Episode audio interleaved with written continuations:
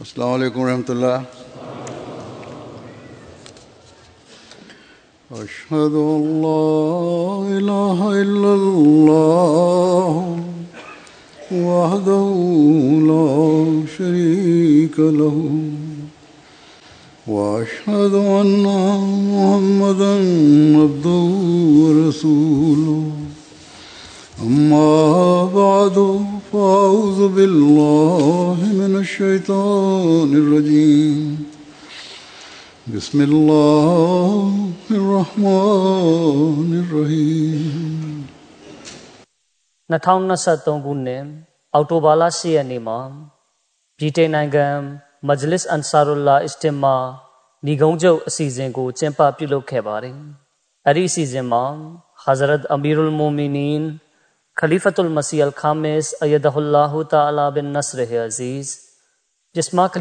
ကြီးကညီကုန်းချုပ်မိကွန်းမွာချခဲ့ပါတယ်။ခလီဖာသခင်ကြီးမိန့်ကြားတော်မူသည်မှာ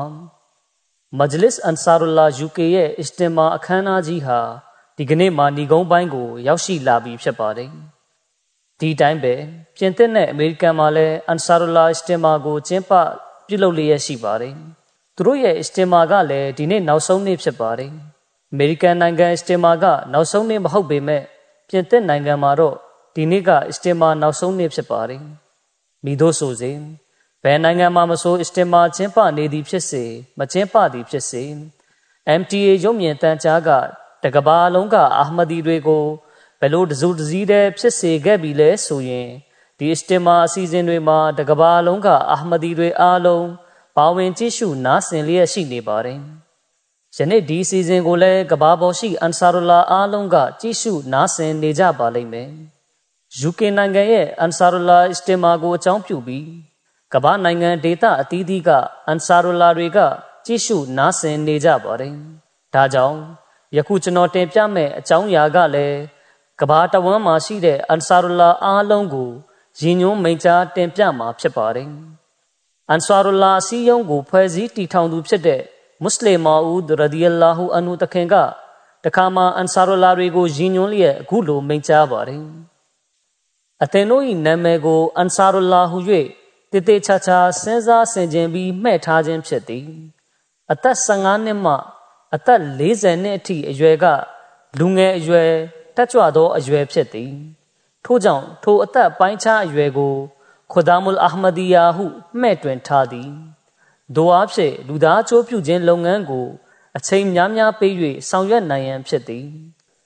အသက်40နှစ်အထက်ရှိသူတို့၏အမိကိုအန်ဆာရူလာဟုမှဲ့တွင်ထားသည် ထိုအသက်အရွယ်သို့ရောက်လာသောအခါလူသားကတည်ငြိမ်ရင့်ကျက်မှုရှိလာပြီးမိမိလှုပ်ဆောင်သောအလုံးများတွင်တည်ငြိမ်၍ဒီဇိုင်းမမတ်ရှိလာသည်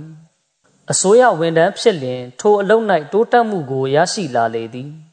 ထို့ပြင် မိမိရှားဖွေထားသောဥစ္စာဒနာဖြင့်တာဒနာအကျိုးကိုပုံမတဲပိုးနိုင်လာသည်ခလီဖာသခင်ကြီးမိန့်ကြားတော်မူပါတယ်ဒီတော့ခမည်းတော်ရဲ့နာမည်ကိုအန်ဆာရလာဆိုပြီးမှဲ့ထားရခြင်းကသာသနာရေးဘက်သို့အစွမ်းကုန်အာယုံစိုက်ရန်ဖြစ်ပါတယ်။ယခုလိုသာသနာဘက်အာယုံစိုက်ခြင်းကငွေကြေးဥစ္စာပိုင်းအရလည်းသာသနာအကျိုးပြုရမှာဖြစ်တယ်လို့ဘာသာရေးရှုထောင့်ရလည်းသာသနာဘက်အာယုံစိုက်ရမှာဖြစ်ပါတယ်။ ဘာသာရေးရှုထောင့်ရခမားတို့အနေနဲ့အဘာဒတ်မပြုစည်းကပ်ခြင်းဘက်သို့အချိန်အတော်များများကိုအသုံးပြုရပါမယ်။သာသနာဖြန့်ချီရေးသာသနာနဲ့ပတ်သက်ဆက်နွယ်မှုထားရှိရေးကိုများစွာပြုလုပ်ရပါမယ်။ဒီလိုဆောင်ရွက်ရာမှာမိမိရဲ့လက်တွေ့ကျင့်သုံးတည်ဆောက်မှုအပိုင်းရရောအစ္စလမ်သတင်းစကားပို့ဆောင်မှုအပိုင်းရပါဆောင်ရွက်ရပါမယ်ဒီလိုအဖြစ်ခမားတို့ကိုကြည့်ပြီးခမားတို့ရဲ့သားသမီးတွေမှာပါ ကောင်းမှုတွေဖြစ်ထွန်းပေါ်ပေါက်လာစေဖို့အတွက်ဖြစ်ပါတယ်ဒါကြောင့်ဒီသဘောတရားကိုအန်ဆာတွေအားလုံးသိရှိနားလည်သဘောပေါက်ထားရပါမယ်အန်ဆာတွေအနေနဲ့မိမိတို့ရဲ့အဘာဒတ်စံချိန်ကိုတွန်းမြင့်ရပါမယ်နမတ်ပြုမှုတွေကိုထိမ့်သိမ့်ရပါမယ်။နမတ်ဘာဂျမတ်ဘတ်တို့အာယုံဆက်ရပါမယ်။အိမ်တွေမှာမိသားစုအတွင်း၌မိမိရဲ့သားသမီးတွေရှေ့မှာအဘာဒတ်ရဲ့စံနမူနာကိုတိဆောက်ပြသရပါမယ်။ မွတ်စလင်မာဦးရဒီအလာဟူအန်ဟူတခင်ကအစ္စရာဟင်အလိုင်စလမ်ကိုဥပမာပြလျက်မိန့်ကြားထားပါတယ်။အစ္စရာဟင်အလိုင်စလမ်နဲ့ပတ်သက်ပြီးကျမ်းမြတ်ကုရ်အာန်မှာတခင်ဟာမိမိရဲ့သားသမီးတွေကိုအမြဲတမ်းနမတ်ပြုဖို့တွင်တင်တော်မူလေးရှိကြောင်းသခင်ရဲ့ထူးခြားချက်အလားတရားတစ်ခုအနေနဲ့ဖော်ပြထားပါတယ်။ဒါကပဲအန်ဆာရူလာရဲ့အဓိကကျတဲ့သာသနာအကျိုးပြုခြင်းနဲ့တာဝန်ဝတ္တရားအစစ်မှန်ပဲဖြစ်ပါတယ်။ အန်ဆာရီအနေနဲ့ကိုယ်တိုင်လဲနမတ်နဲ့ဇစ်ကရေအီလာဟီဘတ်တို့အာယုံဆက်ရမှာဖြစ်တယ်လို့သားသမီးတွေကိုလည်းနမတ်နဲ့ဇစ်ကရေအီလာဟီဘတ်တို့အာယုံဆိုင်လာအောင်ပြုပေးရမှာဖြစ်ပါတယ်။ဒီအသက်ဝိညာဉ်ကဂျမတ်တွင်းမှာရှိနေသမျှကာလပတ်လုံးဂျမတ်ဖွဲ့ဝင်တွေကအလရှမြတ်နဲ့ဆက်နွယ်မှုရှိနေသမျှကာလပတ်လုံးအလရှမြတ်ဖဇလ်ကျေးဇူးတော်တွေကလည်းဂျမတ်ပေါ်မှာသက်ဆင်းလျက်ရှိနေပါလိမ့်မယ်။ ဒီလိုဆိုရင်အလရှမြတ်ရဲ့ကောင်းကင်တမန်တွေနဲ့လည်းဆက်နွယ်မှုရှိနေပါလိမ့်မယ်။အလရှမြတ်နဲ့လည်းရှင်တန်နဲ့ဆက်သွယ်မှုတိဆောက်လျက်ရှိပါလိမ့်မယ်။ဏီကုံရလက်အားဖြင့်ဂျမတ်ကလည်းရှင်သန်နေပါလိမ့်မယ်ဒီတော့ကျွန်တော်တို့အနေနဲ့ကျွန်တော်တို့ကိုယ်တိုင်ရဲ့ဘဝရှင်သန်လှပရေးနဲ့ကျွန်တော်တို့သားသမီးတွေရဲ့ဘဝရှင်သန်လှပတိုးတက်ရေးကိုလိုလားတယ်ဆိုရင်ဒါပြင်ကျွန်တော်တို့ကိုယ်တိုင်ရောကျွန်တော်တို့သားသမီးတွေကိုပါလောကီအချုပ်နှောင် စိတ်ညစ်ညူးဖွယ်ရာတွေကနေကဲတင်လိုတယ်ဆိုရင် အထက်မှာဖော်ပြခဲ့တဲ့အချက်တွေဘက်သို့အထူးအာရုံစိုက်ရပါမယ်။ဒီလိုမှမဟုတ်ရင်ကျွန်တော်တို့ရဲ့နဟနူအန်ဆာရူလာကျွန်ုပ်တို့သည်အလအားကူညီသူများဖြစ်ကြပါသည်ဆိုတဲ့နာရာကြွေးကြော်မှုကအခွန်တတ်တတ်တာရှိတဲ့ကြွေးကြော်မှုပဲဖြစ်ပါလိမ့်မယ်အကယ်၍ကျွန်တော်တို့ဟာအလရှမြတ်နဲ့ဆက်နွယ်မှုမရှိဘူးဆိုရင်ကျွန်တော်တို့ကအရှစ်မစီရဲ့ဂျမတ်ကိုကူညီသူတွေလို့မဆိုနိုင်ပါဘူး ဂျမတ်ကိုအားနဲ့ချွတ်ချုံကြအောင်လုပ်နေသူတွေလို့သာဆိုနိုင်ပါလိမ့်မယ်ဒါကြောင့်ဒီရှုထောင့်ရအန်ဆာတိုင်းမိမိတို့ကိုယ်ကိုလေးလာဆန်းစစ်ဖို့လိုအပ်ပါတယ်မိမိတို့ရဲ့နမတ်ဝတ်ပြုတိဆောက်မှုတွေအဘာဒတ်တွေနဲ့ဇစ်ကရေလာဟီကဘယ်စံချိန်စံညွှန်းထိရောက်နေပြီလဲဆိုတာဆန်းစစ်ဖို့လိုအပ်ပါတယ်မိမိတို့သားသမီးတွေကိုလည်းအဲ့ဒီဘက်ကိုအာယုံဆိုင်လာအောင်လုပ်ဖို့လိုအပ်ပါတယ်နေရာတိုင်းရှုထောင့်တိုင်းကနေ ခမည်းတော်ဝေဖန်ဆန်းစစ်နေကြရပါမယ်အန်ဆာရူလာဆိုတဲ့အသက်အရွယ်ကမွတ်စလင်မာဦးရဒီအလာဟူအန်ဟူတခင်မိန့်ကြားသလိုနမတ်နဲ့ဇီကရေလာဟီဘတ်တို့အာယုံဆိုင်ရမယ့်အရွယ်ဖြစ်ပါတယ်ဒီလိုဆန်းစစ်တဲ့အခါခမားတို့ရှေ့မောက်မှာမိမိတို့ရဲ့အခြေအနေကအလွန်အားနည်းနေပါသေးလားဆိုတဲ့အချက်တွေကိုမြင်လာရပါလိမ့်မယ်ဒါပြင်မိမိတို့ဟာမစီမောဒ်အလိုင်စလမ်တခင်ထံမှာဘိုင်တ်ယူထားကြတယ် အလရှမြရဲ့အုပ်ချုပ်မှုအာဏာကိုကဘာပေါ်မှာတည်တံ့စေမယ်စိုက်တန်ရဲ့အုပ်ချုပ်မှုကို လောကကနေဖျောက်ဖျက်ပစ်မယ်ဘာသာရေးကိုလောကီရေးထက်ဦးစားပေးပါမယ်စတဲ့အချက်တွေပေါ်မှာဘိုင်ယူထားကြခြင်းဖြစ်တယ်ဒီတော့ကျွန်တော်တို့ပေါ်မှာအလရှမြတ်တတ်မှတ်ပြဋ္ဌာန်းထားတဲ့အမိန့်တော်တွေနဲ့မပြုတ်မနေရတာဝန်တွေကိုလက်တွေ့လိုက်နာဆောင်ရွက်ခြင်းမရှိဘဲကျွန်တော်တို့ဘိုင်ယူထားတဲ့ရည်ရွယ်ချက်တွေကိုရရှိပိုင်ဆိုင်နိုင်ပါမလားဒုံဝပိုင်ဆိုင်နိုင်မှာမဟုတ်ပါဘူး ဒါကြောင့်ကျွန်တော်တို့အနေနဲ့ဒီဘက်ကိုအထူးအာရုံစိုက်ဖို့လိုပါတယ်။မစီမောဒ်အလိုင်စလမ်တခင်ကဒီအကြောင်းကိုပဲအခွင့်အခါများစွာမှာမိမိရဲ့ဂျမတ်ဖွဲ့ဝင်တွေကိုအာယုံစိုက်လှုပ်ဆောင်ကြဖို့မိန့်ကြားတွင်တင်ထားပါတယ်။အခွင့်အခါတစ်ခုမှာမစီမောဒ်အလိုင်စလမ်တခင်ကအခုလိုမိန့်ကြားပါတယ်။နမတ်ကိုပုံမှန်စနစ်တကျဝတ်ပြုကြကုန်။အချို့လူများသည်နမတ်တစ်ကြိမ်သာဝတ်ပြုကြသည်။နမတ်၌မိတို့သောကင်းလွတ်ခွင့်များမရှိကြောင်း မှတ်သားထားကြကုန်။အဘယ်များဟုမူတမန်တော်များအတွက်ပင်နမတ်ကင်းလွတ်ခွင့်မပေးထားကြဟာဒီစ်တော်တစ်ခုတွင် လာရှိပါသည်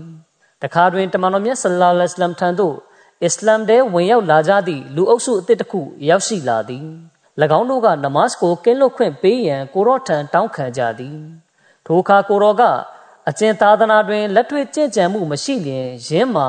သာသနာမမီချေဟုမိန့်တော်မူလေသည် ထို့ကြောင့်ယင်းကိုအသေးချာမှတ်သားထားကြလျက်အလရှမြတ်ပြဋ္ဌာန်းထားသော အမိန့်တော်များနှင့်အညီလက်တွေ့ကျင့်သုံးတည်ဆောက်မှုများပြုကြလေကုန်လီဖာသခင်ကြီးမိန့်ကြားပါတယ်အဲ့လိုလူတွေလည်းရှိပါတယ်ကျွန်တော်စီကိုလည်းလူတွေရောက်လာတဲ့အခါကျွန်တော်တို့ဟာ၅ချိန်နမတ်ကိုအပြည့်အဝဝတ်ပြုနိုင်ဖို့ကြိုးစားနေပါတယ်ဒါပေမဲ့၅ချိန်လုံးတော့အပြည့်မရသေးပါဘူးဆိုပြီးပြောကြပါတယ် အဲ့ဒီလိုလူတွေအနေနဲ့မိမိတို့ကိုယ်ကိုများစွာစိုးရင်တော့ကဖြစ်ရပါမယ်မိမိတို့ကိုယ်တိုင်ကကောင်းမွန်တဲ့စံနမူနာတွေတိဆောက်ပြသနိုင်ခြင်းမရှိဘူးဆိုရင်သားသမီးတွေကိုဘယ်လိုလုပ်ပြီးသာသနာပေါ်မှာယက်တည်နိုင်အောင်ပြုနိုင်ပါမလဲမိမိတို့ကိုယ်တိုင်ကဒီလိုအခြေအနေမျိုးရှိနေမှဖြစ်သားသမီးတွေပျက်စီးသွားတော့မှညီးတွားတာတွေအပြစ်တင်တာတွေလုပ်လို့မရပါဘူးမစီမောဦးအလိုင်စလမ်တခင်မင်ကြားတော်မူပါတယ်လူတို့သည်နမတ်မပြုမှု၌ပြင်းပေါ်ဆခြင်း မတိကြိုးကြုံပြုခြင်းနဲ့ဥပေက္ခပြုခြင်းတို့ဖြစ်ရခြင်းမှာအလရှမြတ်ကနမတ်အတွင်း၌ထဲသွင်းထားသော စိတ်ကြည်နူးချမ်းမြေ့ဖွယ်ရတာထူးကို မခံစားဘူးသောကြောင့်ဖြစ်သည်နမတ်တွင်ပောဆရခြင်း၏အလွန်ကြီးမားသော အကြောင်းရင်းမှာဤသည်ကြောင့်ပင်ဖြစ်သည်လူတို့၌90ပုံတပုံမြပင်စစ်မှန်သောချစ်စိတ်ပြေဝသောခံစားချက်ဖြင့်မိမိတို့၏စစ်မှန်သောအရှင်သခင်ရှေ့မှောက်တွင် ဥညွတ်ဝတ်တွားခြင်းမျိုးမပြုကြကြခလီဖာသခင်ကြီးမိန့်ကြားပါတယ်ဒီတော့ကျွန်တော်တို့လုပ်ရမယ့်ပထမဆုံးလုပ်ငန်းစဉ်ကစိတ်နှလုံးရိုးဖြောင့်စွာတရားဖြူစင်စွာဖြင့်အလရှမြတ်ရှိတော်မောက်မှာဥလဲမတုံဝစ်စင်းရပါမယ်ဒါပြင်စွန့်နှင့်ကြေကွဲစွာဖြင့်အရှင်းထံကနေတဝါဆူတောင်းမှုပြုရပါမယ်အဲဒီလိုလုပ်မယ်ဆိုရင်နမတ်မှာပော့ဆခြင်းအာယုံမရှိခြင်းဆိုတဲ့ကိစ္စကပေါ်ပေါက်လာမှာတော့မဟုတ်ပါဘူး အဲ့ဒီလိုအခြေအနေဖြစ်လာပြီးဆိုမှပဲလူတချို့ဟာနမတ်မပြုတ်ပြီးတော့ပင်မကောင်းမှုလုပ်နေကြတာဘာကြောင့်လဲဆိုတဲ့မေးခွန်းတွေကိုလက်တွေ့ကျကျအဖြေပေးတုံ့ပြန်နိုင်ပါလိမ့်မယ်အဲ့ဒီလိုလူတွေနမတ်မပြုတ်ကြတယ်ဆိုတာက စီးပွားရေးအဆင်ပြေဖို့ဝမ်းဝအောင်စားရဖို့အတွက်တတ်တတ်တာဖြစ်ပါတယ်အဲ့ဒီလိုလူတွေဟာလာစမြတ်ကိုကြောက်ရွံ့ယိုချိုးခြင်းမရှိ နမတ်ရဲ့တာဝန်ကိုဖြည့်ဆည်းခြင်းမရှိဘဲဝိပုနေကြခြင်းဖြစ်ပြီး မကောင်းမှုတွေထဲမှာနင်မွန်းနေကြတာဖြစ်ပါတယ်။ဒါမှမဟုတ်လူသားချင်းပေါ်ပြုတ်အပ်တဲ့တာဝန်တွေမှာပြက်ကွက်နေကြပြီးဖြည့်ဆည်းထမ်းဆောင်ခြင်းမရှိကြသူတွေဖြစ်ပါတယ်။အဲ့ဒီလိုလူတွေနဲ့ပတ်သက်ပြီးအလရှမြတ်ကသူတို့ဝိပုတဲ့နမတ်ခါသူတို့ပျက်စီးရာပျက်စီးကြောင်းကို ဖြစ်စေတယ်လို့မိန့်တော်မူထားပြီးဖြစ်ပါတယ်။သူတို့ရဲ့နမတ်ကိုသူတို့မျက်နာပေါ်ပြစ်ပေါက်ခြင်းခံရပါတယ်။ဒီတော့ကျွန်တော်တို့ဝတ်ပြုနေတဲ့နမတ်တွေက လုပ်ငန်းစီရင်ခံစာရေးသွင်းနိုင်ဖို့အတွက်တသက်ဒါမှမဟုတ်လူတွေကိုနမတ်ဝတ်ပြုကြောင်းပြသဖို့ဒါမှမဟုတ်ဒလိထုံးစံရှိလို့ဝတ်ပြုခြင်းစသဖြင့်မဖြစ်ရပါဘူးတကယ်ကအလရှမြတ်ကိုချစ်လို့တသက်ဝတ်ပြုတဲ့နမတ်မျိုးပဲဖြစ်ရပါမယ်အဲ့ဒီလိုနမတ်မျိုးကပဲကောင်းမွန်တဲ့ရလတ်အသီးပွင့်တွေကိုဆောင်ယူလာတာဖြစ်ပါတယ်မစီမောဦးအလိုင်စလမ်တခင်မိန့်ကြားပါတယ်အင်နလ်ဟဆနာတီယူဇဟစ်ဘနဆယီအာတ် ဧကံမုတ်ချကောင်းမှုများသည် မကောင်းမှုများကိုကင်းဝေးအောင်ပြုပေး၏တို့ဖြစ်ရာဤကောင်းမှုများနှင့်စီးစိမ်ရတာထူးများကိုနှလုံးသားတွင် ထားရှိလျက်စဒီကဖြောင့်မတ်သူများနှင့်မော်စင်ကောင်းမှုပွားများသူများဝတ်ပြုသောနမတ်မျိုးမိမိတို့ကိုလည်းအလရှမြတ်ပေးသနာတော်မူပါဟုဒဝါဆုတောင်းရမည်အလရှမြတ်မိန့်ကြားတော်မူ၏အင်နလ်ဟဆနာတီယူဇဟစ်ဘနဆယီအာတ်ဆိုလိုဒီမှာ ကောင်းမှုများသို့မဟုတ်နမဆွပြုတည်ဆောက်မှုက မကောင်းမှုများကို ဝေးကွာအောင်ဖယ်ရှားပေးသည်အလရှမြတ်မိန့်ကြားတော်မူ၏အင်နလ်ဟဆနာတီယူဇဟစ်ဘနဆယီအာတ်ဆိုလိုဒီမှာကောင်းမှုများသို့မဟုတ်နမဆွပြုတည်ဆောက်မှုက မကောင်းမှုများကို ဝေးကွာအောင်ဖယ်ရှားပေးသည်ဂျမ်းမြတ်ကုရ်အန်တခြားတနေရာတွင် အလရှမြတ်မိန့်ကြားတော်မူသည်မှာနမတ်သည်ရှက်ဖွယ်ကိစ္စများနှင့်မကောင်းမှုများမှကဲတင်ပေးသည် တချို့ကနေ့စဉ်နမတ်များစွာဝတ်ပြုနေကြသည့်တိုင်မကောင်းမှုများပြုလုပ်နေကြသည်ကိုမြင်တွေ့ရသည်လည်းရှိ၏ထို့သောဖြစ်ရခြင်းက၎င်းတို့ဝတ်ပြုသောနမတ်မှာအသက်မပါဖြောင့်မှန်စွာမရှိသောကြောင့်ဖြစ်၏၎င်းတို့မှာဒလေထုံးစံတစ်ခုလုံနေကြအချင်းတစ်ခုလိုစိတ်မပါဘဲလှုပ်လိုက်ကြခြင်းဖြစ်သည်သူတို့၏နမတ်မှာအသက်မရှိထိုကဲ့သို့သောနမတ်မျိုးကို အလရှမြတ်က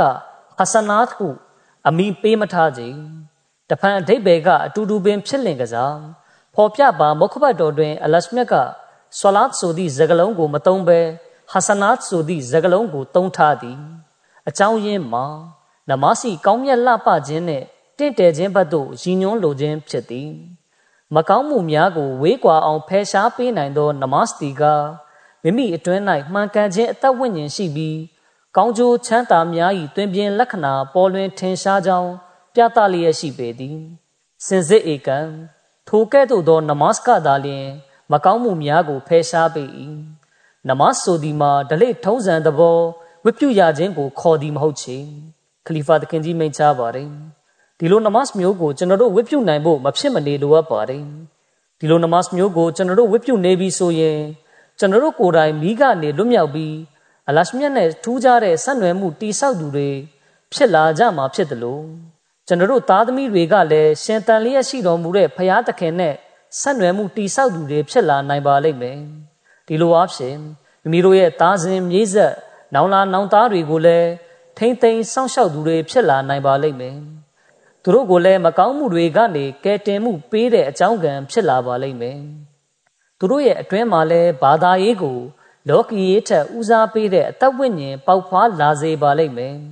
သာသနာတော်အတွက်အမှန်တကယ်အန်ဆာကူညီရမယ့်တာဝန်ကို ဖြည့်ဆည်းသူတွေဖြစ်လာကြပါလိမ့်မယ်နမတ်ရဲ့အရေးပါပုံအကြောင်းနဲ့ဆက်နွယ်ပြီးတခါမှမစီမောဦးအလိုင်စလမ်တခင်ကကျွန်တော်တို့ကိုခုလိုမိန့်ကြားသွန်သင်တော်မူပါတယ်လူသားကတောဟီဒ်ပေါ်တွင် အပြည့်အဝယက်တီမှုမပြုတ်လေသမျှကာလပတ်လုံးသူ့ထံတွင်အစ္စလာမ်ကိုချစ်သောစိတ်နဲ့ အစ္စလာမီဂုံရှိန်ဝါကလည်းလွှမ်းမိုးနိုင်အောင်မီမဟုတ်ချေတဖန်ထက်၍ရင်းဘတ်သို့အထူးရင်ညွှန်းလျက်ကျွန်ုပ်တင်ပြပါဦးမီမကောင်းသောရည်ရွယ်ချက်များမတန်ရှင်းမစင်ကြယ်သောကြံရွယ်မှုလိုရင်စန္ဒများကလောင်ကျွမ်းပြာချမှုမရှိသေးသမျှအတ္တနှင့်မာမာနသည်ဖယ်ခွာသွားလျက်ဘုနေရာတွင်ကျိုးနွန်နှိမ့်ချမှုမဝင်ရောက်လာသေးသမျှနမတ်၌ရှိသောကြည်နူးချမ်းမြေ့မှုနှင့်စီးစိမ်ရတာကို ထိုသူသည်မရရှိနိုင်ကြထိုကဲ့သို့သောအခြေအနေမျိုးကို ပိုင်ဆိုင်ထားခြင်းမရှိလေသမျှထိုလူသားကိုဖျားသခင်စစ်မှန်သောအစေတော်လူသားဟု မခေါ်ဆိုနိုင်ကြပြီးပြည့်စုံသောအစေတော်လူသားဖြစ်ခြင်းကို အကောင်းဆုံးသင်ပြနိုင်သည့်ဆရာသမားနှင့်အကောင်းဆုံးသောအကြောင်းကံမှာကနမတ်ပင်ဖြစ်သည်ခလီဖာသခင်ကြီးမိန့်ကြားပါတယ်ဒီတော့မိမိတို့မှာရှိတဲ့အတ္တမာမာန မတန်ရှင်းတဲ့ကြံရွယ်မှုလိုရင်ဆန္ဒတွေမှားယွင်းညစ်သေးတဲ့အတွေးတွေကို စိတ်ထဲကနေထုတ်ပြစ်မှသာနမတ်ဘတ်ကိုမှန်ကန်စွာဥလက်အာယုံပြုခြင်းဖြစ်ပေါ်လာပါလိမ့်မယ်။အဲဒီလိုနမတ်မျိုးကိုဝိပုနိုင်ပြီဆိုရင်မိမိတို့ကိုယ်တိုင်ကလည်းပြုပြင်တက်မှတ်မှုကိုရရှိသွားပါလိမ့်မယ်။မစီမောဒလိုင်စလမ်တခင်မိန့်ကြားပါတယ်။ကျွန်ုပ်ဒီအသင်တို့အားထိုက်၍တဖန်ပြောလိုပါသည်။ အကယ်၍အသင်တို့သည် အလရှမြတ်နှင့်မှန်ကန်ခိုင်မာသောဆက်နွယ်မှုကိုတိဆောက်လိုသည်ဆိုလျှင်နမတ်ဝတ်ပြုမှုပေါ်တွင်ဆွဲမြဲကြကုန်အဘယ်သို့ဆွဲမြဲရမည်နည်းဆိုလျှင်အသင်တို့၏ရုပ်ခန္ဓာနှင့်နှုတ်ရှာမာသာမကစိတ်နှင့်ဝิญဉ်၌ဆွဲသောရည်ရွယ်ချက်လူဝင်ဆန္ဒများစိတ်ခံစားချက်များစသည့်အားလုံးတို့မှာတစုတစည်းတဲ့နမတ်ဖြစ်သွားရမည်ခလီဖာသခင်ကြီးမိန့်ကြားပါတယ်တဘောက နမတ်မှာပြုလုပ်ရတဲ့မတ်တက်ရခြင်းထိုင်ခြင်းစကြဒါပြတ်ဝတ်ခြင်းစတာတွေပဲမဟုတ်ပါဘူးဒါပြင်နှုတ်ပါဇက်ကနေဆူရာဖာတီဟာနဲ့အခြားဆူရာတွေအာယတ်တွေဒဝါဆူတောင်းတွေလောက်သာရွတ်ဖတ်နေတာမျိုးမဖြစ်ရပါဘူးတကယ်ကဝิญဉ်ကနေပါဒီလှုပ်ဆောင်ချက်ကဖတ်ပေါ်လာနေရပါမယ်အဲ့ဒီတော့မှသာဒီနမတ်ကိုစစ်မှန်တဲ့နမတ်လို့ခေါ်ဆိုနိုင်မှာဖြစ်ပါတယ်ဒါကအလွန်အရေးကြီးတဲ့လုပ်ငန်းဖြစ်တာကြောင့် အန်ဆာရူလာတွေအနေနဲ့အရာအလုံးထက်ဦးစားပေးနေရမှာထားရပါမယ်။အကယ်၍ကျွန်တော်တို့ဝတ်ပြုတဲ့နမတ်တွေနဲ့အဘာဒတ်တွေက အလရှမြတ်သတ်မှတ်ထားတဲ့စံချိန်စံညွှန်းနဲ့အညီမရှိဘူးဆိုရင်အလရှမြတ်ကိုကူညီပါမယ်ဆိုတဲ့ကျွန်တော်တို့ရဲ့ကြွေးကြော်ချက်ကအခွန်တတ်တတ်ပဲဖြစ်ပါလိမ့်မယ်။ဒီတော့အထက်မှာမွတ်စလင်မာဦးရဒီအလာဟူအန်နုတခင်မိန့်ကြားတော်မူထားသလိုအန်ဆာတွေအနေနဲ့အလရှမြတ်နဲ့ဆက်နွယ်မှုတိဆောက်ခြင်းကိုခိုင်မာအောင်ပြုလုပ်ရပါမယ်။ ဒီတော့မှသာလရှမြတ်ကတော်လန်ပြောင်းလဲမှုဖြစ်စေမဲ့အခြေအနေတွေကိုဖန်တီးပေးမှာဖြစ်ပါတယ်။အန်ဆာရီရဲ့ဒဝါဆူတောင်းမှုတွေနဲ့လက်တွေ့ကျင့်သုံးတည်ဆောက်မှုတွေကတဘလစ်အတွက်လည်းလမ်းသစ်တွေပွင့်လာပါလိမ့်မယ်။လက်တွေ့ကျင့်သုံးတည်ဆောက်တဲ့နေရာမှာမစီမောဒ်အလိုင်စလမ်တခင်ကဂျမတ်ဖတ်ဝင်တွေထံကနေမျှော်လင့်ထားတဲ့စံချိန်စံညွှန်းမျိုးနဲ့တွင်တင်ချက်တွေပေါ်မှာရှိရပါမယ်။တနေရာမှာမစီမောဒ်အလိုင်စလမ်တခင်မိန့်ကြားပါတယ်။ အလရှမြတ်ကကျွန်ုပ်တို့၏ဂျမတ်ကိုစံနမူနာတစ်ခုဖြစ်ပြုလုပ်ပြသလိုပေသည်ထို့ကြောင့်ရှုထောင့်အသွဲသွဲမှထိုစံနမူနာကိုတိဆောက်ပြသကြကုန်အလရှမြတ်ကမုတကီတို့အားချစ်မြတ်နိုးတော်မူ၏အလရှမြတ်၏ကြီးကျယ်ထွန်းမြတ်မြတ်မားမှုကိုအမတ်ရလျက်အရှင်အားကြောက်ရွံ့လျက်နေကြကုန်အားလုံးတို့သည်အလရှမြတ်၏ဖန်ဆင်းကံများဖြစ်ကြောင်းမှတ်သားထားကြကုန်ထို့ကြောင့် နှိမ့်ချကျွန်းတော်မှုကိုတိဆောက်ပြသကြကုန်မိသူကိုမျှမတရားအနိုင်ထက်မပြုကြနှင့်အလျင်လိုဆန္ဒစောခြင်းကြမ်းကြုတ်စွာပြုမှုခြင်းများမပြုကြနှင့်မိသူကိုမျှအထင်မသေးနှင့်ဂျမတ်အတွင်း၌လူတယောက်ပင်ဖြစ်စေညစ်သေးမည်ဆိုလျှင်ထိုသူသည်အားလုံးကိုညစ်သေးအောင် ပြုပြစ်လိမ့်မည်အသင်တို့၏အပြောနှင့်အလုပ်သည်တစ်ထက်တည်းကြရမည်လူသားအနေနဲ့မိမိအပြောနှင့်အလုပ်မှာမိမြထတ်တူညီချောင်းကို ကြည့်ရှုစမ်းစစ်ရမည်ဤချက်သည်ပင်အလရှမြတ်ကိုကြောက်ရွံ့ခြင်းဖြစ်သည်အကယ်၍သူ၏အပြောနှင့်အလုပ်ကတစ်ထက်တည်းမကြဘူးဆိုလျင်သူသည်အလရှမြတ်၏အမျက်တော်ရှာခြင်းခံရမည်ကို နားလည်ပါလိမ့်နှလုံးသားမတန်ရှင်းလျင်သူ၏ပြောစကားတို့မှာအဘယ်မျှတန်ရှင်းပါစေထိုနှလုံးသားသည်ဘုရားသခင်၏အမြင်တွင်တန်ဖိုးမရှိကြတို့ဖြစ်ရာကျွန်ုပ်၏ဂျမတ်ဖွဲ့ဝင်တို့မှတ်ထားရမည်မှာအသင်တို့ကျွန်ုပ်ထံလာရောက်ရခြင်းမှာ တီးပွင့်ဝေစာသောတစ်ပင်ကြီးဖြစ်လာစေရန်မျိုးစေ့တပွဲစိုက်ပျိုးခံရဖို့ဖြစ်သည်တို့ဖြစ်၍လူတိုင်းအနေနဲ့မိမိတို့အတွင်းပိုင်းချိန်တွေမှာမိတို့ရှိကြောင်းမိမိတို့ကိုယ်ကိုဝေဖန်ဆန်းစစ်ကြပါလိမ့်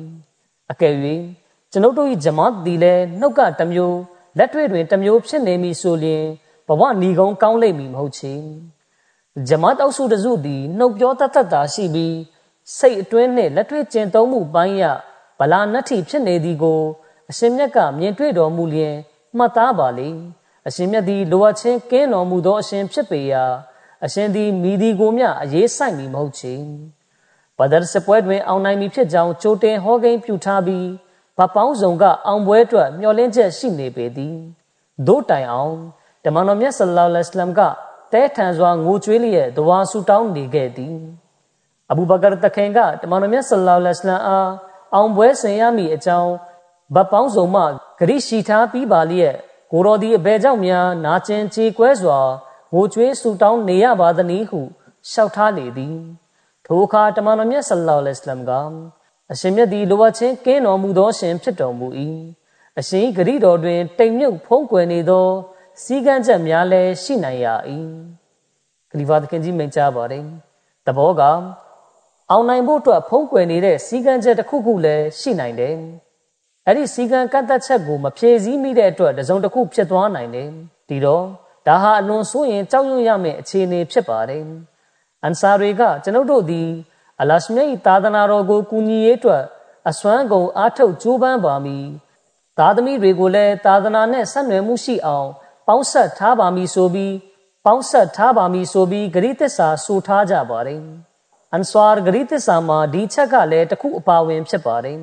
ဒါကြောင့်အန်ဆာတွေအနေနဲ့အမြဲတမ်းဒီအတွက်တောကထားရပါမယ်အန်ဆာတွေအနေနဲ့ဘယ်လိုစံနမူနာမျိုးကိုတိဆောက်ပြသရမလဲဆိုရင်အီဘာဒတ်မှာလည်းမြင့်မားတဲ့စံချိန်ကိုရောက်ရှိနေကြောင်းပြသတဲ့စံနမူနာဖြစ်ရမယ်။လက်တွေ့ကျင့်သုံးတိဆောက်မှုတွေမှာလည်းမြင့်မားတဲ့စံချိန်တစ်ခုကိုရောက်ရှိနေကြောင်းပြသတဲ့စံနမူနာမျိုးဖြစ်ရပါမယ်။ဒီလိုအဖြစ် ကျွန်တော်တို့ဟာမိမိတို့ရဲ့ဇနီးနဲ့သားသမီးတွေအတွက်အတူယူပွဲစံနမူနာတွေဖြစ်လာစေဖို့အတွက်ဖြစ်ပါလိမ့်။အကယ်၍အဲ့ဒီလိုစံနမူနာမျိုးတွေကိုမပြသဘူးဆိုရင်တော့အစီမောဒ်လိုင်စလမ်တခင်တတိပေးထားသလိုစိတ်ကိုတုန်လှုပ်ခြောက်ခြားသွားစေမဲ့အရာဖြစ်လာပါလိမ့်မယ်။ဒါကြောင့်ကျွန်တော်တို့အနေနဲ့များစွာတောကထားလျက်စဉ်းစားဆင်ခြင်ဖို့လိုပါတယ်။ကျွန်တော်တို့ပေါ်မှာလတ်မြတ်ကအလွန်ကြီးလေးတဲ့တာဝန်ကိုအနှင်းထားပါတယ်။ ကျွန်တော်တို့ဟာမိမိတို့ကိုယ်တိုင်နဲ့မိမိတို့ရဲ့သားသမီးတွေကိုပဲပြုပြင်တက်မှတ်ရမှာမဟုတ်ပါဘူး။မိမိတို့ကိုယ်တိုင်နဲ့မိမိတို့ရဲ့သားသမီးတွေကိုပဲတောဟစ်ပေါ်မှာယက်တီစေရမှာမဟုတ်ပါဘူး။မိမိတို့နဲ့မိမိတို့ရဲ့သားသမီးတွေကိုသာတမန်တော်မြတ်ဆလ္လာလဟ်အလัยဟ်ရဲ့လမ်းညွှန်မိန့်ကြားချက်တွေပေါ်မှာလိုက်နာစေရမှာမဟုတ်ပါဘူးတကယ်တော့တလောကလုံးကိုတမန်တော်မြတ်ဆလ္လာလဟ်အလัยဟ်ရဲ့အလံတော်အောက်သို့ခေါ်ဆောင်လာရမှာကကျွန်တော်တို့ရဲ့တာဝန်ဖြစ်ပါတယ် ဒါပြင်အလ္လာဟ်မြတ်တဇူရီတပါးရှိခြင်းတောဟီဒ်ကို လောကမှာတည်တံ့အောင် ပြုလုပ်ရမှာဖြစ်ပါတယ်ဒီတော့မစီမောဒလိုင်စလမ်တခင်ကကျွန်တော်တို့ကိုလမ်းညွှန်မိန့်ကြားထားတာနဲ့အညီ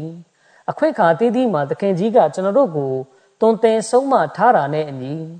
ကျွန်တော်တို့အနေနဲ့တတွေမသိမ်းလိုက်နာကျင့်ဆောင်ရပါမယ်။ဒါကိုအသေးချာမှတ်သားထားရပါမယ်။မိမိတို့ရဲ့ဘဝတိဆောက်ပုံကိုတခင်ကြီးရဲ့လမ်းညွှန်ချက်နဲ့အညီ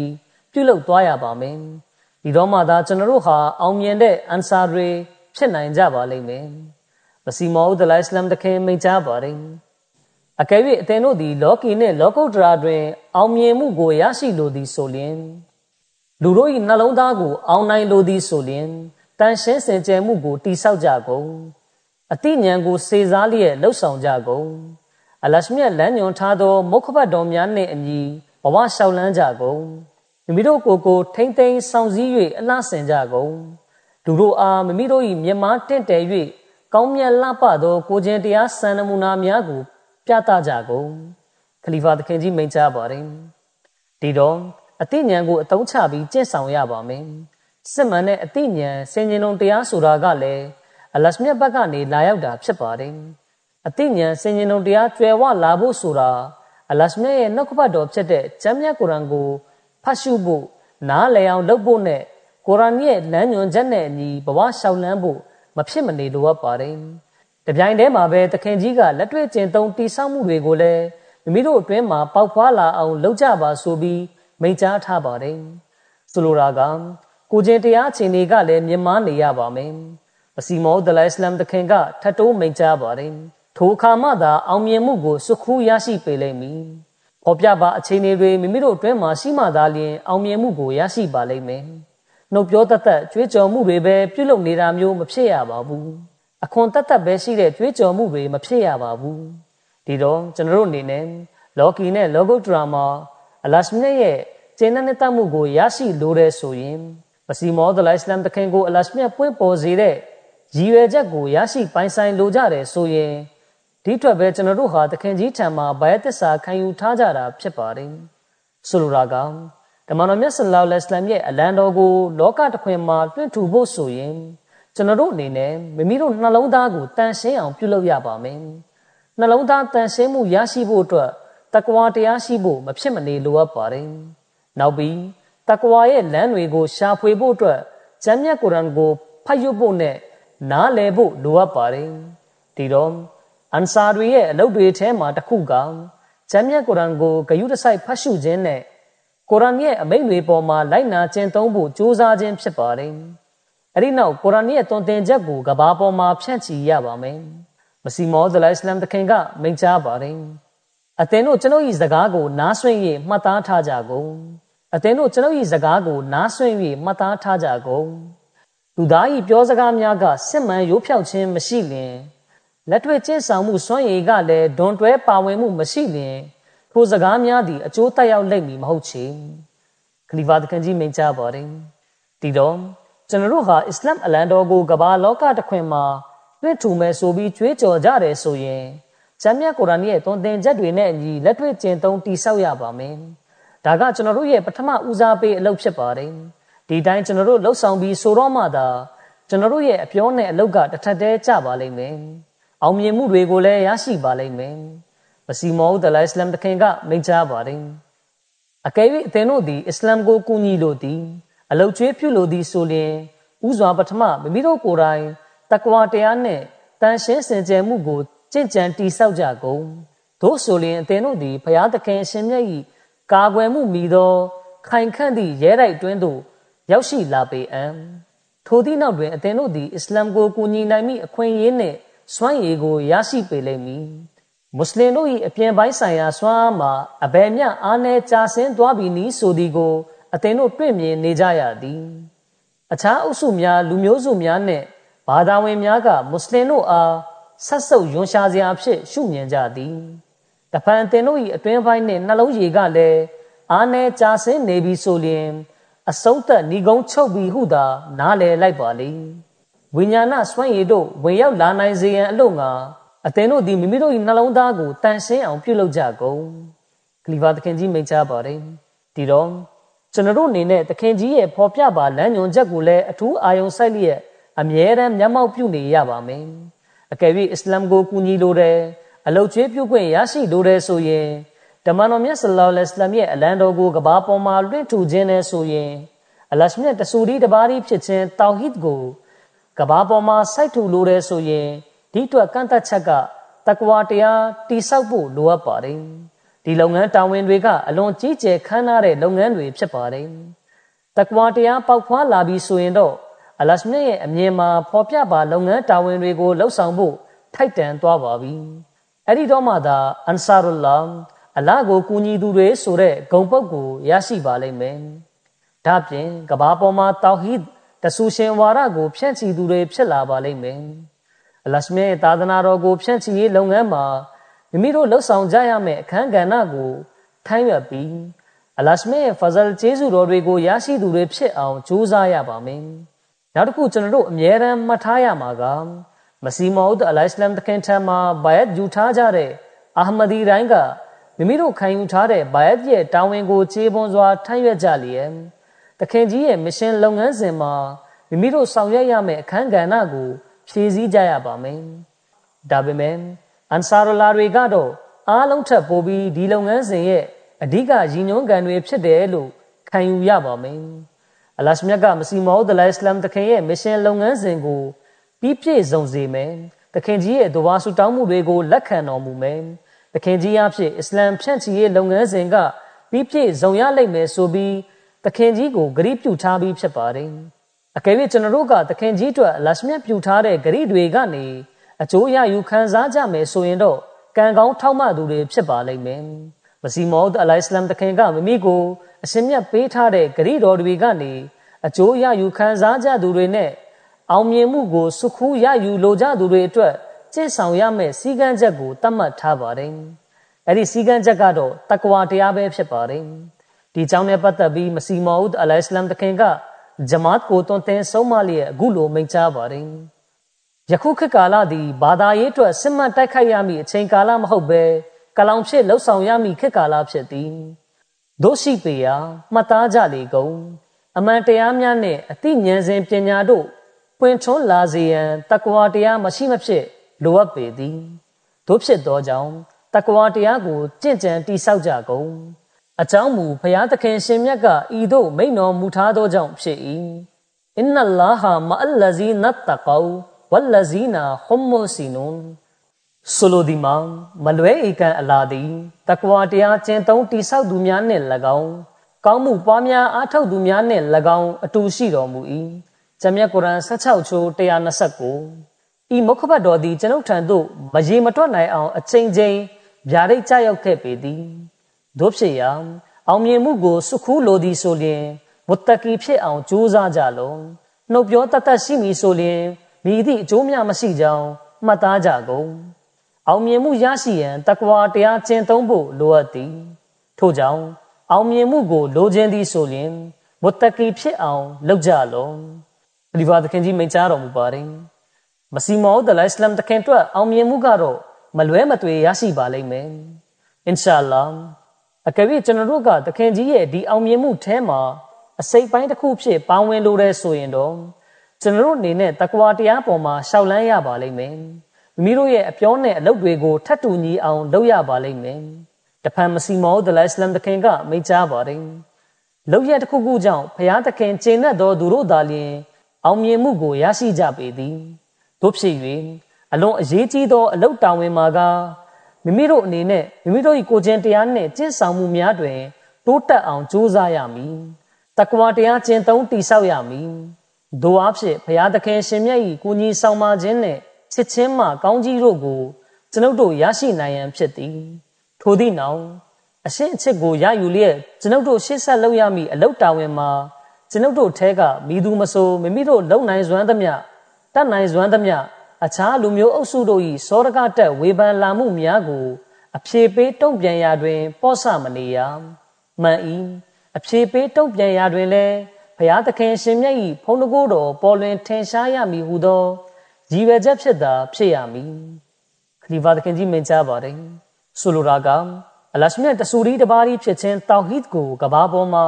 စိုက်ထူရပါမယ်ဒါကြောင့်ယနေ့အန်ဆာတဦးချင်းတယောက်ချင်းနေဖြစ် မိမိတို့ဟာကဘာပေါ်မှာအလရှမြတ်တဆူရီဖြစ်ခြင်းတောက်ဟစ်ကိုစိုက်ထူဖို့နဲ့အလရှမြတ်ရဲ့ဖုံးတကိုးတော်ကိုပေါ်လွင်ထင်ရှားစေဖို့မိမိတို့ရဲ့တက္ကဝါစင်တန်းကိုမြင့်တင်ရပါမယ်လောကီလူသားတို့ပေါ်ကျေးဇူးပြုသူတွေထဲမှာအပါဝင်ဖြစ်အောင်ကြိုးစားကြရပါမယ်လူသားတွေကိုအလောက်ကျွေးပြုကျေးဇူးပြုခြင်းနဲ့အတူလောကီဆွဲဆောင်မှုတွေစိတ်ညစ်ညူးဖွယ်ရာတွေရဲ့လောင်အိမ်ထဲမှာပိတ်ဆို့ခံထားရတဲ့သူတွေကို အဲ့ဒီလောင်အိမ်ထဲကနေအပြင်သို့ကူညီထုတ်ဆောင်ပေးရပါမယ်ကျွန်တော်တို့ဟာမစီမောဒလိုင်စလမ်တခင်ရဲ့မရှင်လုပ်ငန်းစဉ်ကိုတည်ဆုံအောင်ဖြည့်ဆည်းဖို့အတွက်အစွမ်းကုန်စ조사ပါမယ်ကဘာပေါ်မှာတောဟစ်ကိုစိုက်ထူပါမယ်အစ္စလမ်သတင်းစကားကိုလူတိုင်းထံပို့ဆောင်ပါမယ်ဆိုပြီးအမှန်တကယ်ဂရိသစ္စာပြုထားတယ်ဆိုရင်ကျွန်တော်တို့ကိုယ်တိုင်ကတောကထားပြီးမိမိတို့ရဲ့အခြေအနေတွေကိုပုံမတိုးတက်ကောင်းမွန်လာအောင်စူးစမ်းဖို့မဖြစ်မနေလိုအပ်ပါတယ်။ ကျွန်ကျွန်တော်တို့ကိုယ်တိုင်ကတကွာတရားပေါ်မှာပြေဝရှောက်လန်းဖို့လိုအပ်ပါတယ်အိမ်တွေမှာမိသားစုအတွင်းမှာဇနီးနဲ့သားသမီးတွေကိုတောက်ဟစ်ပေါ်မှာယက်တီလာစေဖို့အတွက်လက်တွေ့ကျင့်သုံးတည်ဆောက်မှုစံနမူနာတွေကိုစိုက်ထူပြသရပါမယ်ကျွန်တော်တို့ဟာတောကထားလျက်နမတ်တွေကိုထိမ့်သိမ့်ပြီးလှပတင့်တယ်အောင်တစားဆင်ဖို့အလွန်မင်းလိုအပ်ပါတယ်ဒါပြင်အလရှမြတ်နဲ့ဆက်သွယ်မှုတိဆောက်ခြင်းဆိုင်ရာအစဉ်တန်းတွေကို မြင်မအောင်ပြုလုပ်ဖို့မဖြစ်မနေလိုအပ်ပါတယ်အသက်40ရွယ်သို့ရောက်ရှိလာပြီးအသိဉာဏ်ခိုင်မာရင့်ချက်လာသူတယောက်အနေနဲ့ယခုတင်ပြခဲ့တဲ့အကြောင်းကိစ္စတွေနဲ့ပတ်သက်ပြီးမိမိကိုယ်ကိုဝေဖန်ဆန်းစစ်ရပါမယ်ဒီတော့ကျွန်တော်တို့မလွဲမသွေလှုပ်ဆောင်ရမယ့်ကိစ္စကကျွန်တော်တို့ရဲ့ဦးစားပေးအလေးထားမှုတွေကိုလောကီအရေးကိစ္စတွေနဲ့သာအချိန်ကုန်နေတာမျိုးမဟုတ်ပဲမိမိတို့ပြုထားတဲ့ဘိုင်ရည်ရွယ်ချက်ကိုသိရှိနားလည်လျက် မိမိတို့ရဲ့ဂရိသစ္စာကိုဖြည့်ဆည်းနိုင်အောင်ကြိုးစားလျက်မိမိတို့ရဲ့ဦးစားပေးမှုကသာသနာရေးကို လောကီရေးထက်ဦးစားပေးတာမျိုးဖြစ်အောင်လုပ်ရပါမယ်ပြီးခဲ့တဲ့တစ်ပတ်ကခွဒါမုလ်အာမဒီယာအဖွဲ့ဝင်တွေထံကနေဂရိသစ္စာယူခဲ့ပါတယ်မိကွန်းအစမှာကျွန်တော်တင်ပြခဲ့သလိုခွဒါမရဲ့လုပ်ငန်းတာဝန်ကများသောအားဖြင့်လူသားအကျိုးပြုခြင်းဖြစ်တာကြောင့်ခွဒါမတွေကိုဒီတာဝန်ထမ်းဆောင်ဖို့အဓိကသတ်မှတ်ထားပါတယ်။ ဒါပေမဲ့အချိန်ကာလရွေလျားလာပြီးလုပ်ငန်းကျယ်ပြန့်လာတာနဲ့အမျှအစ္စလာမ်အလံတော်ကိုမြင့်ဆွင့်အောင်မြင့်တင်ဖို့ကိုလည်းခွဒါမလူငယ်တွေလက်ထဲမှာတာဝန်ပေးအနှင်းလာရပါတယ်။ဒါပေမဲ့ဒီလုပ်ငန်းတာဝန်တွေကခွဒါမလူငယ်တွေအတွက်သာမဟုတ်ပဲအန်ဆာရူလာတွေရဲ့လုပ်ငန်းတာဝန်လည်းဖြစ်ပါတယ်။အသက်အရွယ်ရအတွေးခေါ်အသိဉာဏ်ရင့်ကျက်တဲ့အရွယ်ကိုရောက်ရှိလာခဲ့ပြီဖြစ်တာကြောင့်အစ္စလာမ်သာသနာဖြန့်ချီရေးလုပ်ငန်းတာဝန်က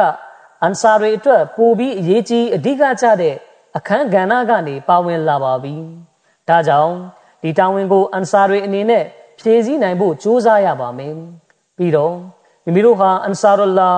အလာကိုကူညီသူတွေဖြစ်တယ်ဆိုတဲ့အသိစိတ်ကိုကတ်ထားပြီးမိမိတို့ပြုထားတဲ့ဂရိသစ္စာကိုဖြည့်ဆည်းကြရပါမယ်။ဒီလိုအခြေအနေမျိုးကျွန်တော်တို့အတွင်းမှာပေါ်ပေါက်လာပြီးဆိုမှသာကျွန်တော်တို့ဟာအောင်မြင်သူတွေဖြစ်နိုင်ကြပါလိမ့်မယ်။ လရှမြတ်ကျွန်တော်တို့ကိုဒီတိုင်းကျင့်ကြံနိုင်ဖို့စွမ်းအားပေးသနာတော်မူပါစေ။အာမင်။အထက်မှာကျွန်တော်ပြောခဲ့သလိုပဲဒီဂရိသစ္စာကိုမွတ်စလင်မာဦးရဒီအလာဟူအန်နုတခင်ကခွဒါမုလ်အာမဒီယာစီယုံထံကနေယူခဲ့တာဖြစ်ပါတယ်။တခင်ကအန်ဆာရူလာတွေအတွင်းမှာလည်းဒီဂရိသစ္စာကိုဖတ်ရမယ်ဆိုပြီးမိန့်ကြားထားပါတယ်။ဒါပြင်အခွင့်ခါတိုင်းမှာတိုင်တယ်ရွတ်ဆိုရမယ်ဆိုပြီးလမ်းညွန်မိန့်ကြားထားပါတယ် ဒီကတိသစ္စာကိုပြီးခဲ့တဲ့တစ်ပတ်ကုသန်အစီအစဉ်မှာတိုင်တယ်ရွတ်ဆိုခဲ့ပြီးဖြစ်တာကြောင့်ဒီနေ့မှာတော့တိုင်တယ်ရွတ်ဆိုခြင်းမပြုတော့ဘူးထမှန်တိုင်တယ်ဖို့မလိုတော့ဘူးလို့ပထမစဉ်းစားမိပါတယ်ဒါပေမဲ့မနေ့ကပဲပါကစ္စတန်နိုင်ငံအန်ဆာရူလာဥက္ကဋ္ဌထံကနေအန်ဆာရီအတွက်လည်းမွတ်စလင်မအူတခင်ရဲ့ဆန္ဒနဲ့အညီတိုင်တယ်ပေးရင်ပိုကောင်းပါမယ်ဆိုတဲ့ပန်ကြားစာရောက်ရှိလာတာကြောင့်ယနေ့မှလည်းဒီဂရိသစ္စာကိုတိုင်တယ်ပေးရင်ကောင်းမယ်လို့တွေးမိပါတယ်။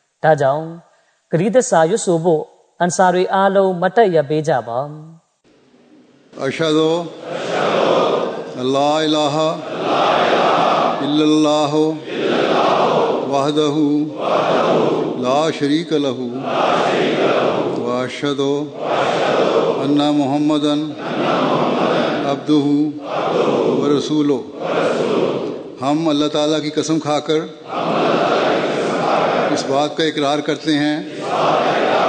کہ ہم اسلام اور احمدیت کی اشاعت اور محمد رسول اللہ صلی اللہ علیہ وسلم کا نام دنیا کے کناروں تک پہنچانے کے لیے، اپنی زندگیوں کے آخری لمحات تک کوشش کرتے چلے جائیں گے۔ اور اس مقدس فرض کی تکمیل کے لیے ہمیشہ اپنی زندگیاں خدا اور اس کے رسول اللہ صلی اللہ علیہ وسلم کے لیے وقف رکھیں گے اور ہر بڑی سے بڑی قربانی پیش کر کے قیامت تک اسلام کے جھنڈے کو دنیا کے ہر ملک میں اونچا رکھیں گے۔ ہم اس بات کا بھی اقرار کرتے ہیں کہ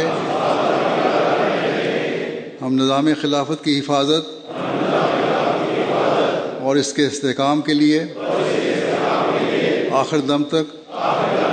جد و جہد کرتے رہیں گے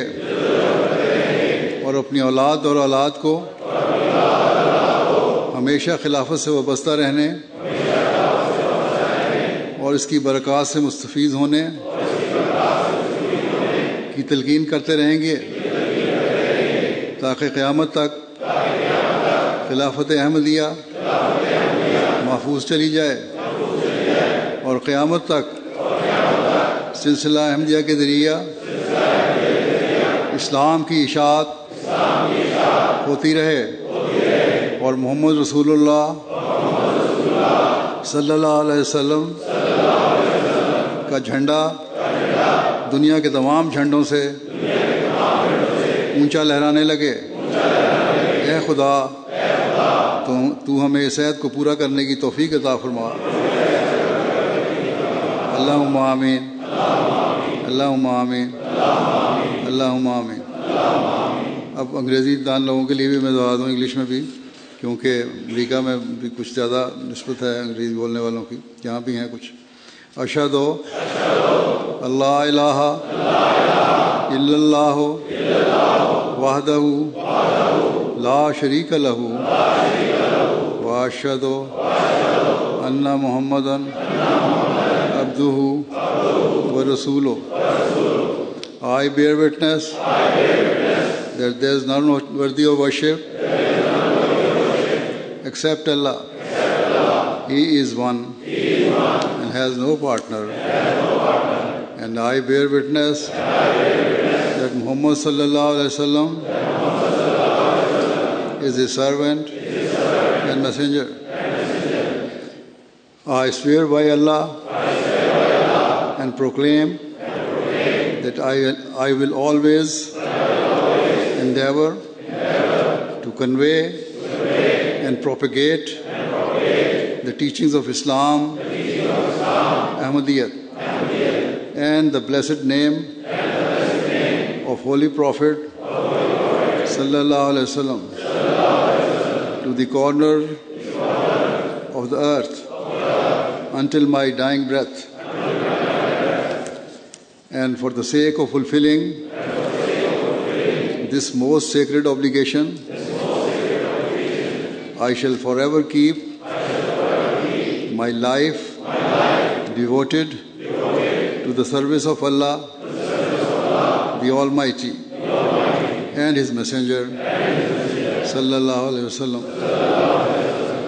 I shall give every possible sacrifice, every possible sacrifice no, matter how heavy, no matter how heavy, its burden, its burden in, order, in order, for the blessed flag, the blessed flag of, Islam, of Islam, to be raised, to be raised aloft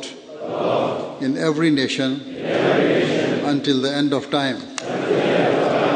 I also solemnly pledge to strive with unyielding conviction to protect and strengthen, and strengthen the institution of Khilafat until my last breath. And I shall always urge,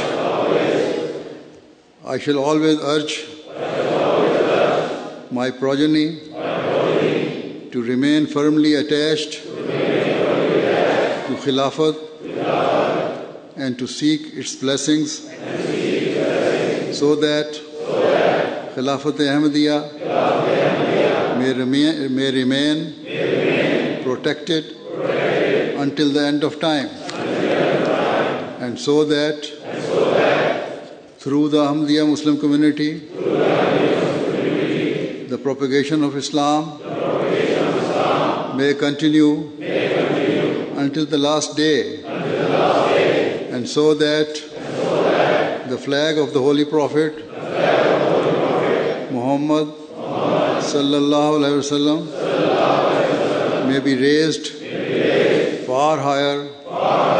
than any other flag in this world. O God, enable me to fulfill this pledge. Allahumma ameen.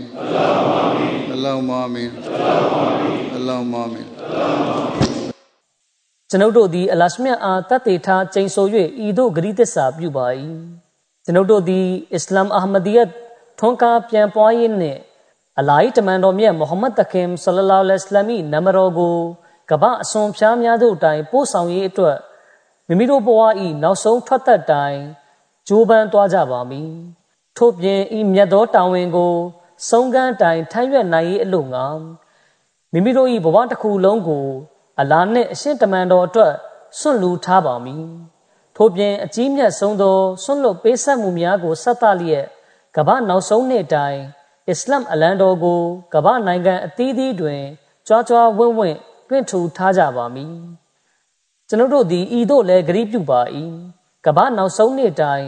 အာမဒီယာခလီဖာစနစ်လုံခြုံစိတ်ချစွာတည်ရှိလျက်ကမ္ဘာနောက်ဆုံးနှစ်တိုင်အာမဒီယာဂျမတ်ကိုအကြောင်းပြု၍အစ္စလာမ်သာသနာပြန်ပွားရေးနှင့်ဓမ္မတော်မြတ်မုဟမ္မဒ်တခင်ဆလလောလဟ်အလัยဟိအလံတော်သည်ကမ္ဘာအလံအားလုံးထက်မြမဝင့်ထဲစွာလွှင့်ထူလျက်ရှိနေစေခြင်းက ကျွန်ုပ်တို့သည်ခလီဖာစနစ်ကိုကာကွယ်စောင့်ရှောက်ရေးနှင့်ခလီဖာစနစ်အဒွန့်ရှေတည်တံ့ခိုင်မြဲရေးအတွက်သက်ဆုံးတိုင်အားထုတ်ကြိုးပမ်းသွားကြပါမည်ထို့ပြင်မိမိတို့၏တားမြေအဆက်အနွယ်များကိုလည်းခလီဖာစနစ်နှင့်အမြဲဆက်နွယ်မှုရှိနေကြစေရန်နှင့်ထိုစနစ်၏ကောင်းကြီးမင်္ဂလာများမှအကျိုးရယူခံစားနိုင်ကြစေရန်နှိုးဆော်တိုက်တွန်းလျက်ရှိနေပါမည်။အိုးလာရှင်မြတ် ကျွန်တော်မျိုးတို့အားဤဂရိသစ္စာကို ဖြည့်ဆည်းနိုင်ရန်စွမ်းပေးသနာတော်မူပါ။အလ္လာဟ်မအာမင်။အလ္လာဟ်မအာမင်။အလ္လာဟ်မအာမင်။